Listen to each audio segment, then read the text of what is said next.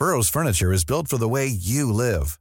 From ensuring easy assembly and disassembly to honoring highly requested new colors for their award-winning seating, they always have their customers in mind. Their modular seating is made out of durable materials to last and grow with you. And with Burrow, you always get fast, free shipping. Get up to 60% off during Burrow's Memorial Day sale at burrow.com slash ACAST. That's burrow.com slash ACAST. burrow.com slash ACAST. It's that time of the year. Your vacation is coming up.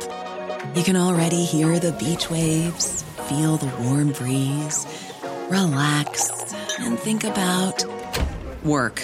You really, really want it all to work out while you're away. Monday.com gives you and the team that peace of mind. When all work is on one platform and everyone's in sync, things just flow wherever you are. Tap the banner to go to Monday.com. Normally, being a little extra can be a bit much, but when it comes to healthcare, it pays to be extra. And United Healthcare makes it easy with Health Protector Guard fixed indemnity insurance plans. Underwritten by Golden Rule Insurance Company, they supplement your primary plan, helping you manage out of pocket costs without the usual requirements and restrictions like deductibles and enrollment periods. So when it comes to covering your medical bills, you can feel good about being a little extra. Visit uh1.com to find the Health Protector Guard plan for you. Palmemordet, mannen som hatade vägsalt, del 3 med Simon.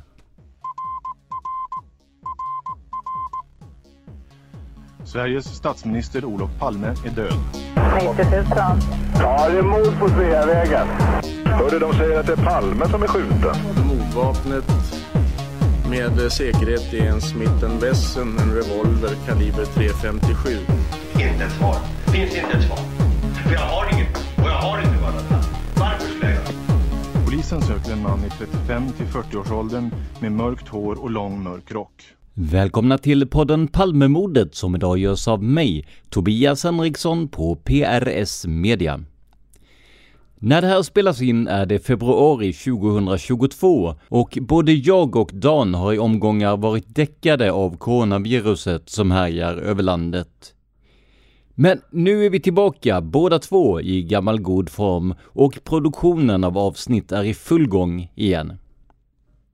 I förra avsnittet fick ni ju följa Hans Holmers öden och äventyr i väntan på att jag skulle bli frisk nog att kunna spela in det här till det andra avsnittet med Simon om mannen som hatade vägsalt.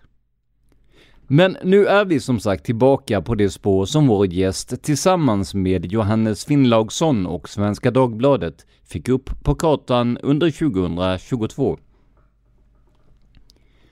Innan vi börjar prata med Simon vill jag bara påminna om att ert stöd är lite extra viktigt i sådana här tider när sjukdomar och annat kan sätta käppar i hjulen. Om du känner att vi gör ett bra jobb och vill stötta oss, gå gärna in på patreon.com palmemordet och donera en summa som podden får per publicerat avsnitt. Det är alltså patreon.com palmemordet. Om det inte publiceras ett nytt avsnitt den veckan så dras heller inga pengar. Och självklart dras bara pengar för nyinspelade avsnitt. Så repriser och liknande är sådant som vi bjuder på utöver de vanliga avsnitten. Om du hellre vill donera via Swish hittar du numret i avsnittsbeskrivningen. Märk din insättning med Palmemordet så att Dan vet vilken podd det gäller. Stort tack för ditt stöd! Förra gången som Simon medverkade i podden pratade vi en hel del om själva spåret Ingenjören och hur han kom att snubbla över det. Idag ska vi fokusera mer på personen bakom rubrikerna, alltså ingenjören själv. Jag bad Simon, som inte vill medverka med efternamn i podden, att beskriva mannen som så många pratar om. Det här var vad han svarade. Det är kanske en personlighetsstörning som inte är helt ovanlig, som är ganska väldokumenterad hos andra. Det som ibland, eller förr kallades för paranoid kverulans eller något sånt, va? kverulansparanoia. Har man vissa personliga egenskaper och är i ett nedsatt tillstånd och sen utsätts för en, en mindre oförrätt så kan man eh, fastna i den liksom. Det är väldigt svårt, nästan omöjligt att komma ur det sen när man väl har fastnat i det här eh, eh kverulanta beteendet. Och vi vet ju, som jag, om jag läser vad förutsättningarna är så är det att man ska ha dålig tillit, vara självupptagen, känna sig för förbisedd och vara rigid i sitt tankesätt. Eh, det är liksom, har man den personligheten och sen kanske man drabbas av stress eller sorg eller förlust eller depression så har man dessutom en ökad sårbarhet. Och om man då blir utsatt för någonting som faktiskt oftast i de här fallen verkar vara ja, men en, en, en felaktighet eller en, en äkta oförrätt liksom, så, så kan den fastna igen. Det är också så att man har ett begränsat socialt nätverk som gör att man som inte utmanar den här uppfattningen eh, på ett tidigt stadium utan den liksom får slå rot. Vi vet ju att eh, just när eh, han börjar med sitt saltmotstånd som är i januari 1970 så förlorar han också sin mor.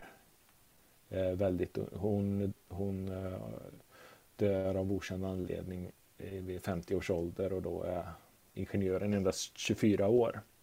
Ja, det sammanfaller. Så han, så han eh, är ju förmodligen i en, i en sorg där samtidigt som han har en eh, personlighetsförutsättningarna. Eh, ja, så det här är mina amatörpsykologiska eh, filosofier. Men det, det, skulle kunna tänka sig att det är därför det startar och det är därför det sitter så djupt i honom. Och när han har kommit till en viss nivå så, så är detta sanning för honom. Och man, han, han bräcker ur sig väldigt grova saker. Men jag tror att för honom är det sant. Att eh, det är lika illa att salta en väg som det är att eh, gasa judar. Precis, det här är ju alltså ett direkt citat ska vi säga från, från vad han själv har sagt. Så att Ja, precis. Det var, det var inget som jag kom på i stunden. Nej, nej, jag, det, det bara, jag tänkte det är lika bra att, eh, att förtydliga, men det är alltså det är ett, ett konkret exempel som han har gett. Han, han tycker att saltningen av vägarna är som att jämföra med ja, men slakten av judar under andra världskriget. Precis, och att eh, ehm, de som saltar, de är, de är terrorister, så terroristlagstiftningen borde kunna tillämpas på dem och, och sådär. Och, Uh, ja, men mycket grova saker och jag tror att för han så är det sant. Det är så han ser världen. Uh, och då kan man tänka sig att det, då finns det liksom en, något som motiverar att han sätter sig över lagen. Om, om han vill få upp det här på bordet. Om, det, om man kan tänka sig om man tycker att om ingen har förstått att vissa saker är lika grova som förintelsen, då kan man förstå att man eh, kan begå, bättre, kan, kan ta till väldigt drastiska åtgärder för att peka på det. Eh, jo, men verkligen. Men däremot är det ju svårt att se hur man kan göra den jämförelsen. Att, att, att om, om man så att säga eh, Eh, är övertygad om att det är samma sak att salta våra vägar som att som förintelsen då Absolut, då förstår jag att man kan sätta sig över lagen i, i någon slags ja, men, högre syfte. Men, men just att, att um, det här är ju en åsikt som, som jag misstänker att väldigt få svenskar delar med honom. Det är där det kanske blir svårt också att förstå hur man kan hysa ett sånt agok under så många år, för det här har ju hållit på länge, eller hur? Ja, ja det har ju hållit på då sedan 1970. Uh, eh, Jo, det är att han är ensam och tror det här. Det tror jag snarare spär på det. Eh, det han, han, det gör nog mer att han känner ett än större ansvar för att, att visa det. Att, att, att, peka på problemet. Om det är bara han som känner till det. Så, så är hans ansvar Eh, obegränsat att, att, att, peka på problemet. Jag, jag, känner ju nu utan att på något sätt eh, eh ironisera eller någonting över, över ingenjören här, men eh, så det, det, nu känns det ju verkligen som att eh, det är ytterligare en tomhet här efter att Henrik Ankarsäter, professor i rättspsykiatri, gick bort här. För att det här hade ju faktiskt varit väldigt intressant att kika närmare på de här, eh, ja, men de här faktorerna som gör att man att man kan verkligen brinna så mycket för en fråga som andra kanske inte riktigt ser som lika viktiga. Eh, jag måste också hålla med om att Ankarström saknar man i det här läget. Eh, det hade ju varit väldigt intressant att höra hans åsikter och diskutera med honom. Se om man, liksom, om man har amatörpsykologat sig fram till någorlunda rätt härad. Men vi pratar alltså om en man som har haft det här eh, aversionen mot vägsalt sedan 70-talet. Eh, alltså, på vilket sätt har det märkts? Vi har pratat om det här att han eh, uppvaktade politiker och så vidare, men har, har det varit liksom samma intensitet med det här med brevskrivande och med kontaktsökande och sånt där hela vägen, eller vad, har vi fått fram någonting om det? Ja, det skulle jag säga. Det har ju givetvis eh, varierat beroende på hans möjligheter och teknikutveckling och internet och, och grejer. Och, men sen så skulle jag också säga att det går lite i skov. Så att säga. Att eh, saltprotesterna, alltså runt jul, då är det kick-off för den nya saltprotestsäsongen. Ja, man kan ju tänka sig att, det, att vinterhalvåret är ju så att säga mer, då, då blir det ju mer akut för honom, kan man ju tänka sig då ju. Och sommaren har du, behöver du inte bekymra dig så mycket om vägsalt, tänker jag. Nej, men, men lite, lite så är det ju. Men det är inte så att han skiter i det på sommaren utan att det är ju det är alltid aktuellt men det är intensivare skulle jag säga på, på efter jul och sen så eh, går det lite upp och ner i, i, i veckofaser skulle jag säga. Eh, och varför han konkret tycker så illa om vägsalt, det vet vi inte eller? Nej. Inte mer då än att det ska vara, ja men, dumt och farligt och terror, men alltså någon, någon konkret anledning har vi inte. Nej, eh, han, han, hans största argument är ju det att eh, det blir svårare att bedöma halkan. Att eh, man, lä, man, man kör som om det vore, inte vore halt, fast ibland kan det vara det ändå, fast det finns salt. Och det är hans största argument, men det, det saknar ju proportion och det saknar rimlighet. Ja, på något vis. Alltså, det, det, är klart att det kan vara så, men det är ändå så att eh, just det att det inte är halt för den allra allra oftast eh, skapar ju räddar ju ändå väldigt många liv. Så de få olyckor som sker på grund av felbedömning av halka är ju vida färre än de som verkligen räddas till livet på grund av eh, saltningen. Liksom. Jo, men precis. Och ni som, ni som har följt podden, ni vet ju att jag, jag jobbar dels med poddarna och sen jobbar jag som yrkeschaufför också. Jag ser ju hellre en en hal väg där man har varit ute och saltat, där det eventuellt kan finnas hala fläckar, än att ha isgata framför mig. Så att jag, jag ja, ja men jag, jag delar din åsikt där Simon, det gör jag. Precis, ja, jag har en vän som eh, forskar på trafiksäkerhet eh, och, och, och, och, och, och grepp i vägbana och bromsar och grejer. Och han säger enda, enda gången det skulle kunna stämma att eh, vägsalt orsakar så många dödsfall, det är ju om man äter saltet. För salt i kosten är inte bra alls. Nej, ja, det, det är klart. Det, jag, jag, jag, tänker mig att det är väl förmodligen inte där eh, vår kära ingenjörs stora bekymmer ligger, utan det är väl för trafiksäkerheten då som... Eh, så om man ska säga så, så eh, sammanfatta att han eh, hans argumentation för vägsalt är inte logisk och den tar proportioner som inte är rimliga i förhållande till eventuell skada. Och den eventuella skadan är inte väg mot den eventuella nyttan. Liksom. Jag, jag tänker det här också med, vi har ju pratat om hylsor och vapen och kulor och sådär. Hans, hans vapenintresse och vapenkunnande, det har väl du också tittat lite på? Ja, jag har ju tittat på allt som finns om den här farbrorn. Eh, han eh, har ju varit eh, aktiv i, i skyttehobbyn då eh, som många var. Alltså det måste varit väldigt mycket mer populärt för. Eh, men han börjar eh, 65, 1965 med tävlingsskytte. När han fortfarande går på gymnasiet eller kanske till och med innan det.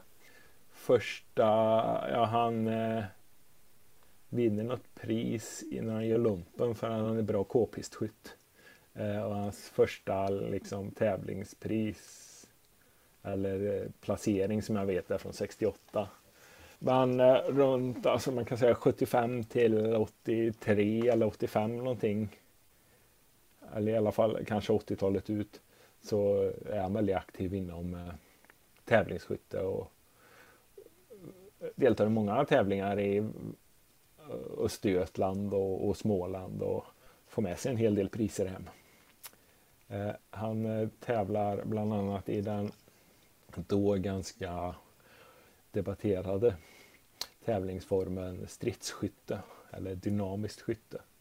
Där man liksom går en bana eller, och, och liksom skjuter på angripare. Och det, det är liksom mer så här hur soldater eller poliser kan eh, öva gisslansituationer och, och sånt. Lite mer åt det hållet. Va? Eh, jag ska inte säga att jag vet mycket om det, jag bara, men jag vet att det var omdebatterat redan då.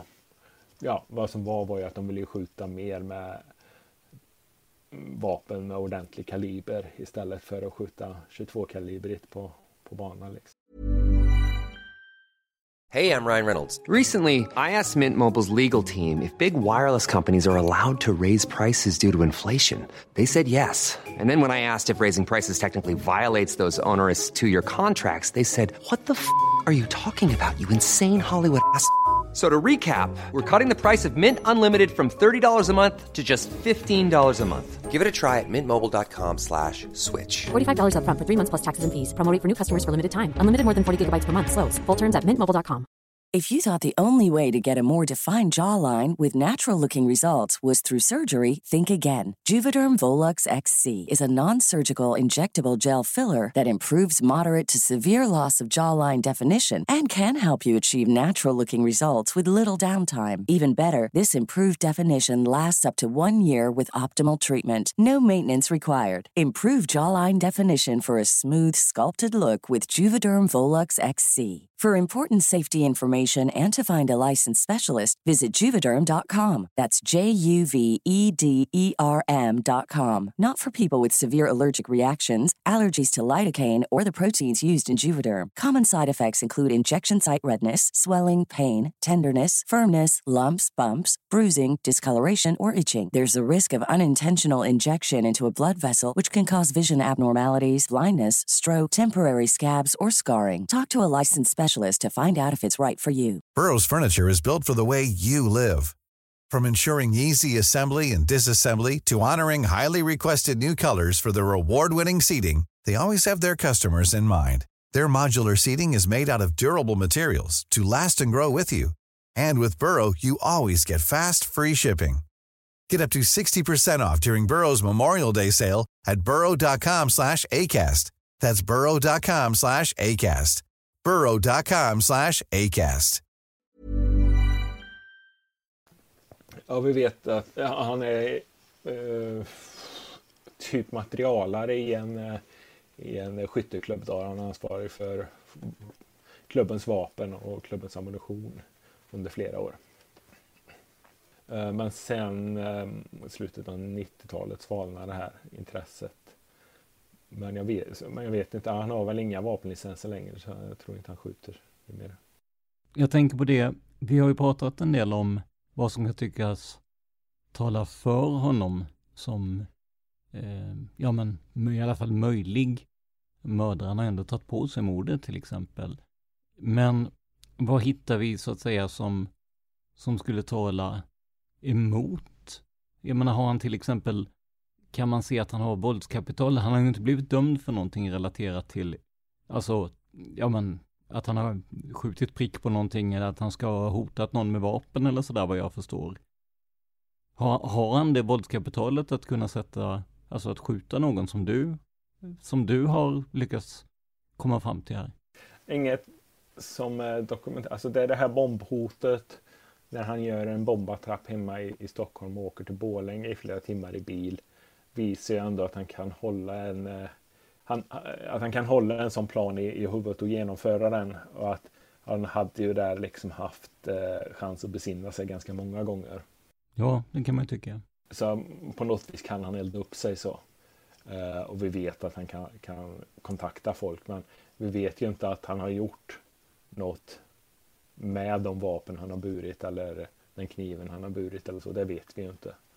En annan sak, och det är det största skulle jag säga, som talar mot honom är ju hans längd.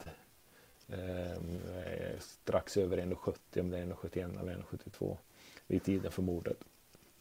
Och det stämmer ju mindre bra med vad man har kommit fram till från vittnena på platsen, eller hur?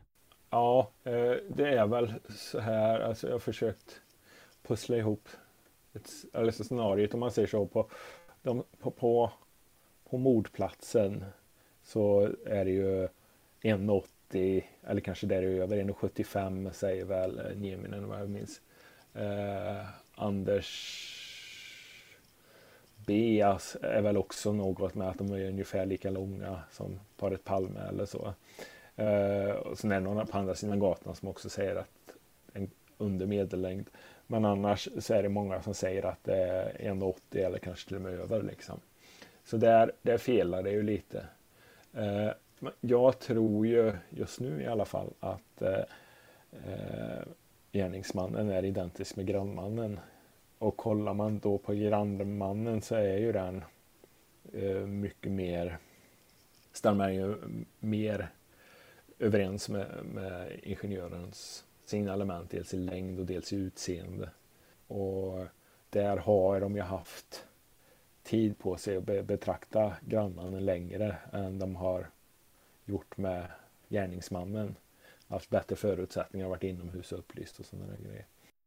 För jag tänker ju det att vid själva mordplatsen, det är någonting jag reagerat över sen jag började jobba med podden här och det är ju att Ja men det är, det är mörkt, det är vinter. Det är ju inte så att folk går och väntar på att någon ska bli skjuten utan det, det här är ju så att säga, man vänder huvudet mot händelsen och så ser man en eller ett par personer under en, under väldigt kort tid och då tänker jag att fela på, ja men 3, 4, 5 centimeter, det, för mig är det inte alls orimligt. Men det är klart, däremot om man kommer upp mot en kanske 10 centimeter, då är det, då kan man ju börja fundera kanske, men Ja, precis. Alltså, man kan ju tänka sig att han, eh, han har ibland en trucker cap så han har eh, höga skor eller vad som helst. Liksom. Eh, så, så finns det, det gör ju inte att spåret faller här. Men liksom, skulle det vara så 15 centimeter eller 10 eh, tydliga hela tiden, då, då skulle det ju kanske falla. Men jag skulle säga att det försvagar det, men inte, inte att det faller. Och så eh, många som beskriver gärningsman eller grannmannen eller den mannen som förmodligen är gärningsmannen och grannmannen beskriver att liksom han har ett tuntigt intryck, liksom så här lite lantlig och bonnig. Eh, det är också något som jag har svårt att se hos ingenjören. Han är ofta väldigt välklädd. Ofta ja, men kläder som är som är inköpta det året den kom. Alltså, om man säger även då. då eh, så, så vill kunna se att det, det, är rätt och det är, är snyggt och det är moderiktigt om man säger så. Eh, så det stämmer inte riktigt heller överens. med...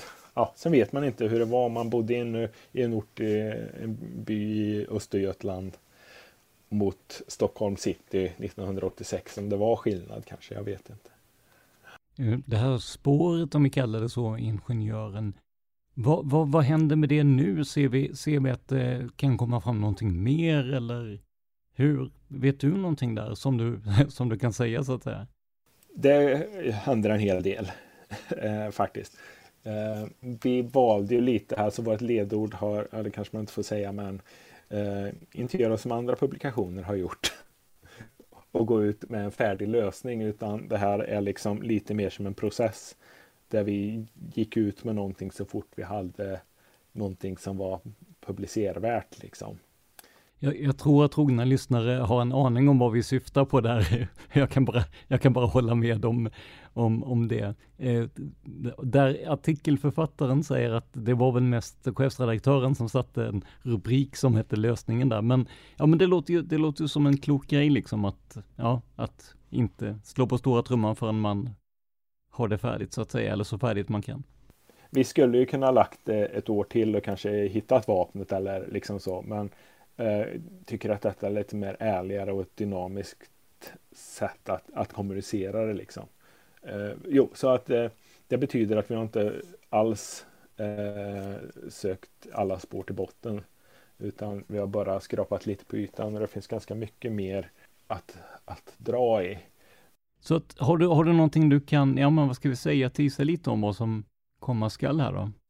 Ja, eh, det finns ju några spår som vi redan när vi pratade med, med Christer Petersson gärna skulle vilja haft, haft färdiga men som inte riktigt har kommit till bort med och det är ju skulle vilja kolla på handstilen mer och det maskinskrivna för den delen också för att se om det finns andra eh, skrivelser av den här mannen i palmutredningen där han kanske skriver under annat namn och sådana grejer för då, då, skulle man kunna pussla ihop mer. Det skulle vara väldigt värdefullt. Och ja, men som, som du vet så, så driver jag en liten wiki där vi har väldigt mycket dokument. Eh, och eh, jag har experimenterat här några dagar nu med, med att skapa lite algoritmer för, för att söka, eh, se om man kan söka efter identiska handstilar eller identiska skrivmaskiner. Så där har man ju något, eh, det, det, det kan ju bli en sån här eh, Ja men eh, det, det, det, kan ju vara riktigt spännande om man kan hitta något mer av, av, samma person. Eh, jag har hittat lite så kandidater som använder lite samma språk men man skulle verkligen vilja göra en noggrannare analys, en bredare analys där man kan söka igenom allt material om man säger så. så jag har börjat med skrivmaskinsidentifiering här för det är lite lättare för de typerna är ju exakta varje gång. Handstilsanalys får man blanda in lite, lite svårare algoritmer. Så det är en grej jag håller på med lite för mig själv just nu på, på VPU. Spännande. Och vi kommer in på VPU alldeles strax. Jag bara tänkte om vi kunde göra en, en, en snabb sammanfattning för att avrunda spåret ingenjören här så länge. Och det är, om, om du bara drar lite snabbt i, i sammanfattning här, vad, vad har vi och vad, vad skulle vi behöva för att kunna komma vidare? Ja, om man börjar först med saker som vi har så att säga så är det ju en person som vi nu har identifierat har skickat ett erkännande brev med ett motiv och med teknisk bevisning i. Eh, vi känner till att han har haft en revolver av rätt typ vid tiden för mordet. Vi vet dess vapennummer. Eh, det är en person som har ett mycket starkt motiv eh, som har visat eh, man säger liknande beteende eh, minus själva skottet då, så att säga på, på stan. Han har uppsökt väldigt många eh, statsministrar bland annat och konfronterat dem. Vi har också att han har ett ändrat beteende. Han slutar skjuta med det här vapnet. Han söker efter licens på ett annat vapen i samma kaliber och innehar det sedan olagligt fram till beslaget. Det gör eh, sammantaget liksom att man skulle vilja titta vidare på honom. Vad, vad, vi inte har, det är ju vart var han vid tiden för mordet? Han har ett alibi som inte är bekräftat. Men det är inte heller bekräftat att det är ett konstruerat alibi. Så det säger inte mycket. Ja, det, det är väl det, det, vi saknar så att säga i, i, stort. Och det vi vet som talar emot det är ju hans fysiska utseende. Jag tycker han är kortare än vad många anger. Eh, vid mordplatsen, vid Grand stämmer han ganska bra överens. Jag tror att han är stiligare klädd i vanliga fall eh, när han eh, än vad som beskrivs som om grannmannen. Men man vet ju inte. Han kan ju kommit från jobbet eller vad som helst. Och det att han eh, tar tillbaka erkännandet är väl också talar emot så att säga. Alltså det är väl en sammanfattning på vad vi har och vad vi saknar vad vi har emot.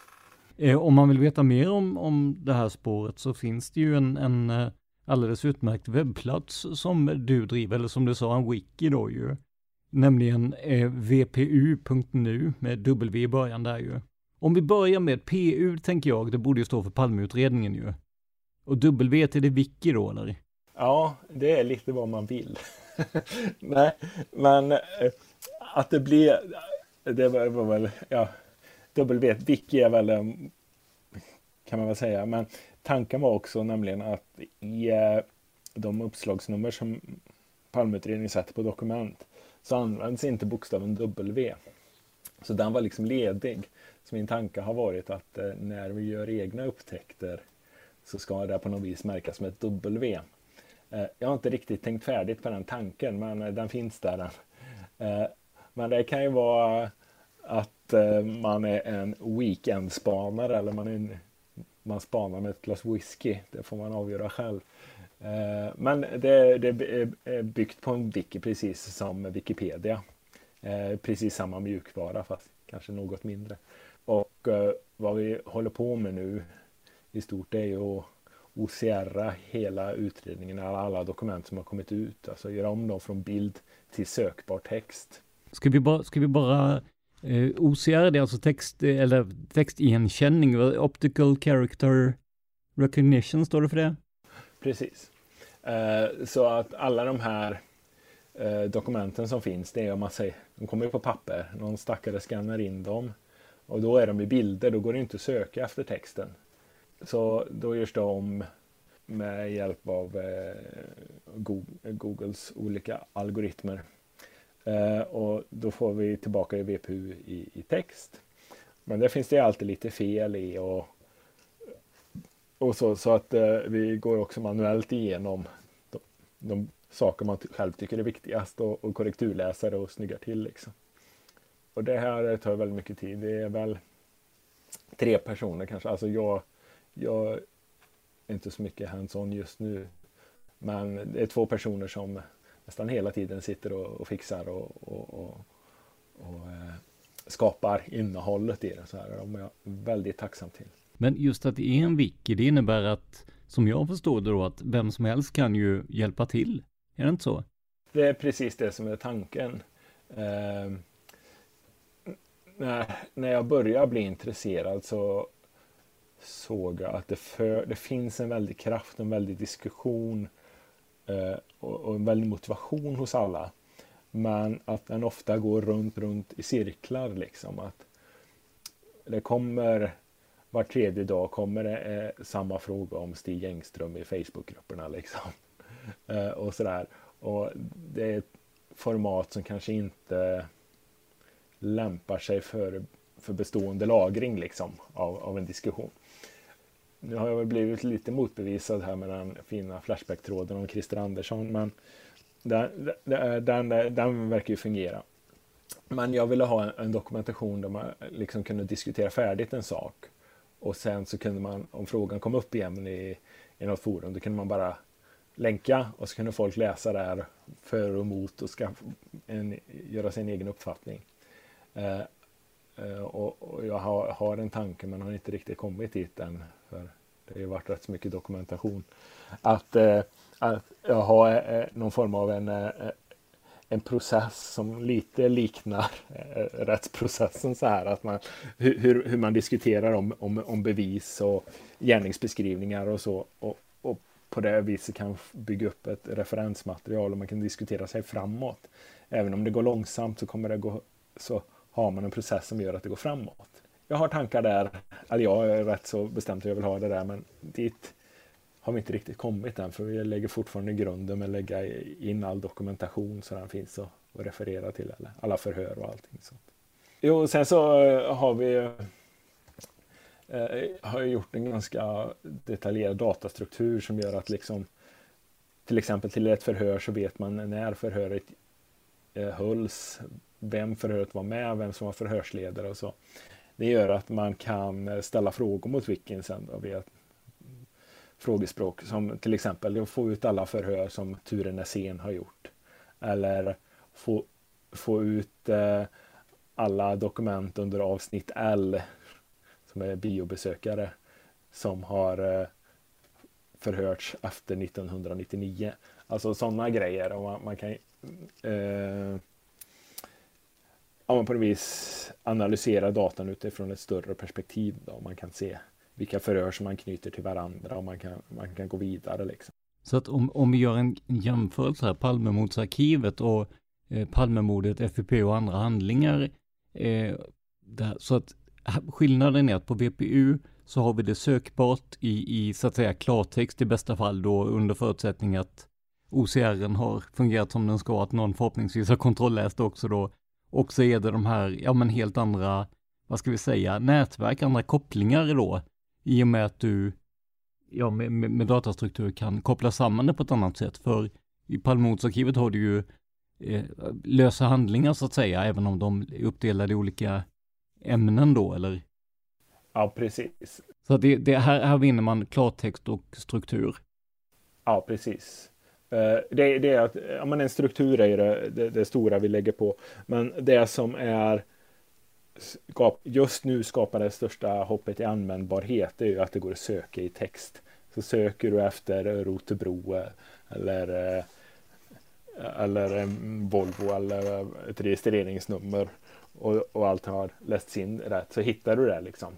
Men det är också väldigt mycket omständligare vilket gör att det tar längre tid att få in dokumenten. Det tar längre... Eh, ja, så, så, så där har ju det här eh, FUP-gruppen som jag kallar det, deras eh, Google-dokument med alla, alla handlingar i. Det är ju väldigt mycket smidigare på, bara, på de grejerna liksom. Men, men om man säger här nu då, bara som ett exempel, om, om eh, jag som sitter då på eh, några skannade dokument som eh, ja, men, kommer från eh, Börje Wingren via Anders Leopold till exempel. Om jag skulle vilja bidra med detta till VPU, hur, hur, hur går jag tillväga liksom? Hur ser processen ut? Eh, ja, det är lite olika hur, hur dokument tar sig in. Men eh, vanligast är ju då att man har en pdf som man laddar upp då händer det, tar det några minuter så händer det väldigt mycket saker bakom kulisserna. Då, eh, då OCRas det då och det görs lite specialgrejer med för att detektera vart maskningarna är så att eh, eh för annars får OCR-algoritmen panik. Eh, det, det, lyfter upp vilket datum och uppslagsnummer och, och, och, och grejer ur det här dokumentet. Eh, och sen så läggs det upp på en sida och kopplas till liggaren. Det är när allting fungerar som det ska. Ett annat sätt som dokument kan komma in är att vi har en liten spindel som egentligen bara är ett litet program som körs som eh, söker av internet efter intressanta pdf-er. Eh, och när han hittar den så skickar det här, det här dokumentet in till en chatt som vi som jobbar med VPU har. Och då kan man välja bara trycka en knapp om det ska importeras eller om det ska slängas eller om vi ska dela upp det i flera dokument eller sådär. Så, och det är också ett sätt som, som det kan ta sig in. Men man, bara för att man har ett dokument så behöver du inte känna att liksom, du har ansvar för att korrekturläsa och så sen. Utan man laddar upp det och sen man gör det man vill och det man kan. Och så är det meningen att algoritmerna ska ta hand om det mesta för att vi ska få så mycket hjälp som, som vi kan för att det är ju ett rätt så stort arbete. Verkligen. Men alltså hur, för mig som är, jag är ju hyfsad på kanske då klippa ljud och spela in och sånt där, men jag som inte kan den bakomliggande tekniken i det du pratar om här då. Hur, hur träffsäker är till exempel en sån här spindel som, som letar Palme-pdf-er? För det låter, ju, det låter ju som lite magi för en annan ju. Ja, det är, det är inte så magiskt som det låter. Den är rätt så träffsäker faktiskt. För vad den gör, det är den kollar till exempel den här FUP-gruppens Google-dokument. Den kollar lite Flashback-trådar. Och så söker den bara efter länkar till pdf-filer och så laddar hem dem och så skickar vidare till en chatt. Eh, än så länge är det inget magiskt. Jag har inte vågat släppa ut den på för många ställen än. Alltså, för, för då kan det bli att han, han ramlar på Wikileaks eller någonting och drar hem tusen pdf som inte är intressanta. Sen har vi ju vissa lite mer magiska grejer eh, som jag experimenterar med ibland. Eh, till exempel har ju Kungliga biblioteket släppt en AI som, som en, en, en språkmodell för svenska som gör att eh, man kan skanna igenom dokument och den kan avgöra vad som är personnamn, vad som är tider, vad som är, är eh, platser och sådär. Och så lägger den upp länkar då till det. Så hittar den att det är, är Sveavägen så, så liksom länkar den till Sveavägs eh, wikisidan. Och så kan man se alla andra dokument som har med Sveavägen att göra. För, för mig är det magi som, inte, som inte är så hemma på det där. Men ja, det låter ju väldigt intressant. Jag, jag tänkte på en sak också. Hur, hur gör man då om man vill så att säga, om man vill stötta? För jag misstänker att det, det är ja, men, servrar som kostar pengar och det, det är ja, men, begära ut dokument kanske då eller om ni så här. Men finns det något, kan man stötta VPU.nu eh, på något sätt här då? Ja, eh, dels så eh, har jag en Patreon på den. Jag skulle vilja ha in pengar för det. Börjar bli lite dyrt att driva för jag behöver en liten större server än, eh, än de flesta och eh, den här eh, OCR hos Google kostar en del. Då. Plus att jag, jag har ett serverrack här hemma med, med AI-maskin. eh, men, eh, och sen, men det som största hjälpen är ju det man gör med materialet. Alltså, eh, eh, nu kanske jag inte ska nämna dem vid namn, men eh, personer som sitter och petar i det här materialet dagligen. Det är ju väldigt tacksamt och det är också väldigt kul faktiskt för att det blir en viss tillfredsställelse i att få snygga till sånt här. Men det jag hemskt gärna skulle vilja ha hjälp med det är ju fler som är intresserade av att experimentera med det här materialet och liksom programmera och, och alltså dels sådana som kan lite mer wiki, eh, alltså hur man gör lite mallar och hur, hur man kan underlätta för dem som, som gör grovjobbet så att säga. Normally being a little extra can be a bit much, but when it comes to healthcare, it pays to be extra. And United Healthcare makes it easy with Health Protector Guard fixed indemnity insurance plans. Underwritten by Golden Rule Insurance Company, they supplement your primary plan, helping you manage out of pocket costs without the usual requirements and restrictions like deductibles and enrollment periods. So when it comes to covering your medical bills, you can feel good about being a little extra. Visit uh1.com to find the Health Protector Guard plan for you. Hey, it's Paige DeSorbo from Giggly Squad. High quality fashion without the price tag. Say hello to Quince. I'm snagging high-end essentials like cozy cashmere sweaters, sleek leather jackets, fine jewelry, and so much more. With Quince being 50 to 80% less than similar brands. And they partner with factories that prioritize safe, ethical, and responsible manufacturing. I love that. Luxury quality within reach. Go to quince.com slash style to get free shipping and 365 day returns on your next order. Quince.com slash style. Even when we're on a budget, we still deserve nice things. Quince is a place to scoop up stunning high-end goods for 50 to 80% less than similar brands. They have buttery soft cashmere sweaters starting at $50, luxurious Italian leather bags, and so much more. Plus, Quince only works with factories that use safe, ethical, and responsible manufacturing. Get the high-end goods you'll love without the high price tag with Quince. Go to quince.com/style for free shipping and 365-day returns. Eller om man bara vill ja, men analysera materialet med någon rolig algoritm man vill eller om det eh, bara jag ser till att de sakerna jag har gjort att de är uppe och går. alltså mycket sånt skulle jag vilja ha hjälp med för, för tiden eh, och, och, och, orken räcker inte alltid. Men då tänker jag om man tittar nu på VPU kontra Palmemordsarkivet, är ni konkurrenter eller är ni eh, kollegor eller hur, hur ser ni på det här? Uh, nej, jag ser oss inte som konkurrenter i det läget vi är nu utan vi gör olika saker och vi har, eh, VPU har en väldigt god nytta av eh, eh FUP-gruppen för, eh, och, och de har eh, mopparkivet och allting. Eftersom det är där spindeln hittar sitt, det mesta. Va? Och, eh, så det är vi väldigt tacksamma för det arbetet som görs där. Alla som är intresserade har ju sin nytta av VPU liksom och, och, och kunna söka. Men du, jag tänker, alltså tiden börjar rinna ifrån oss här lite, men är det, är det någonting som eh, ja men, som du vill betona lite extra eller som du vill liksom att lyssnarna tar med sig här när de hör det här avsnittet sen? Om man tänker VPU så känner du att eh, du eh, skulle vilja peta lite och lära dig lite eller om du redan kan någonting om MediaWiki. Jättevälkommen! Kan du Python? Ännu mer välkommen om du vill eh, vara med och, och, och leka med det. Och vill du bara liksom ha koll eller projektleda eller titta, titta på dokument eller komma med idéer, också välkommen. Eh, så det finns plats för alla. Man behöver inte kunna mer än stava. Knappt det. Om, om man vill göra nytta.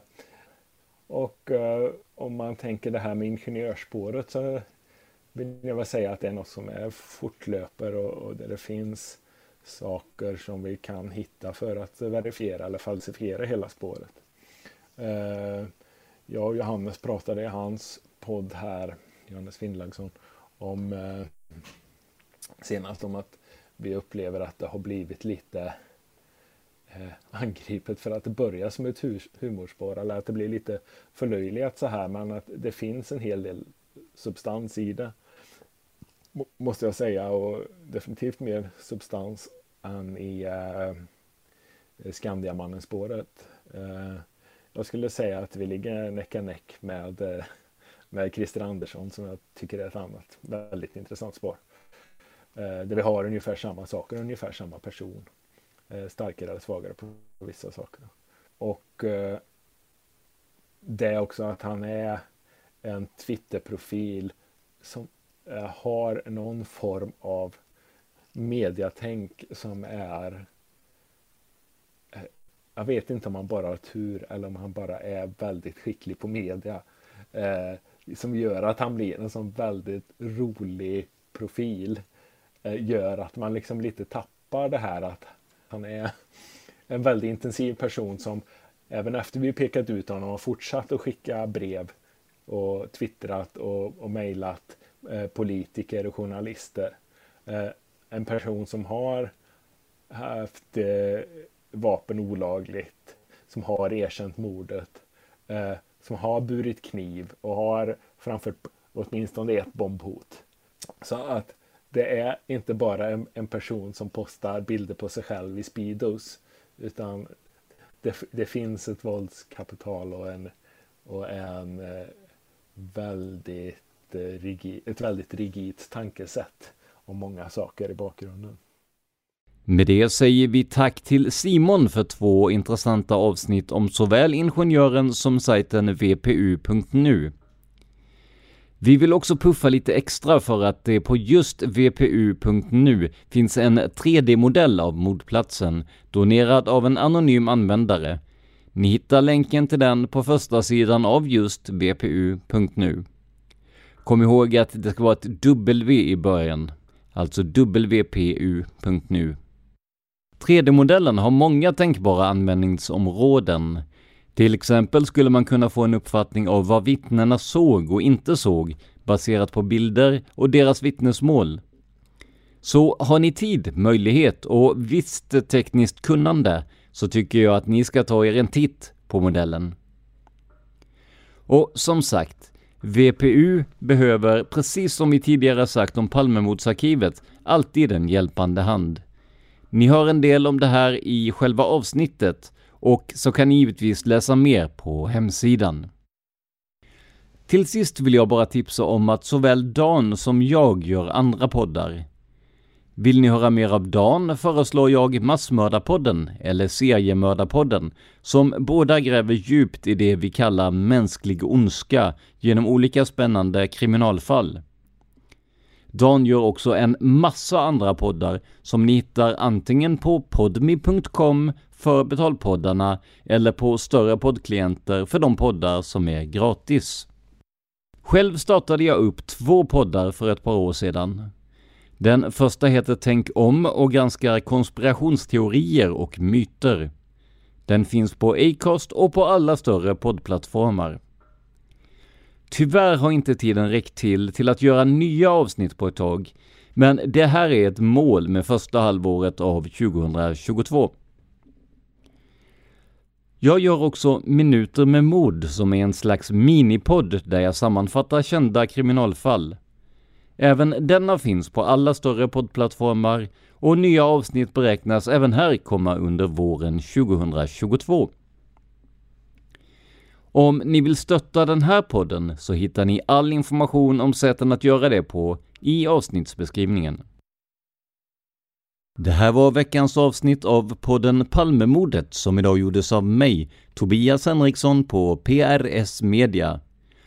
För mer information om mig och mina projekt besök facebook.com prsmedia.se eller gilla oss på Instagram där vi heter prsmedia, Ett ord, små bokstäver. Stort tack till Simon för två mycket intressanta avsnitt. Men framför allt, Stort tack för att du lyssnar på podden Palmemordet. Man hittar Palmes mördare om man följer PKK-spåret till botten. Därför att ända sedan Julius Caesars tid har det aldrig hört talas om ett mord på en framstående politiker som inte haft politiska skäl. Polisens och åklagarens teori var att han ensam hade skjutit Olof Palme. Och det ledde också till rättegång.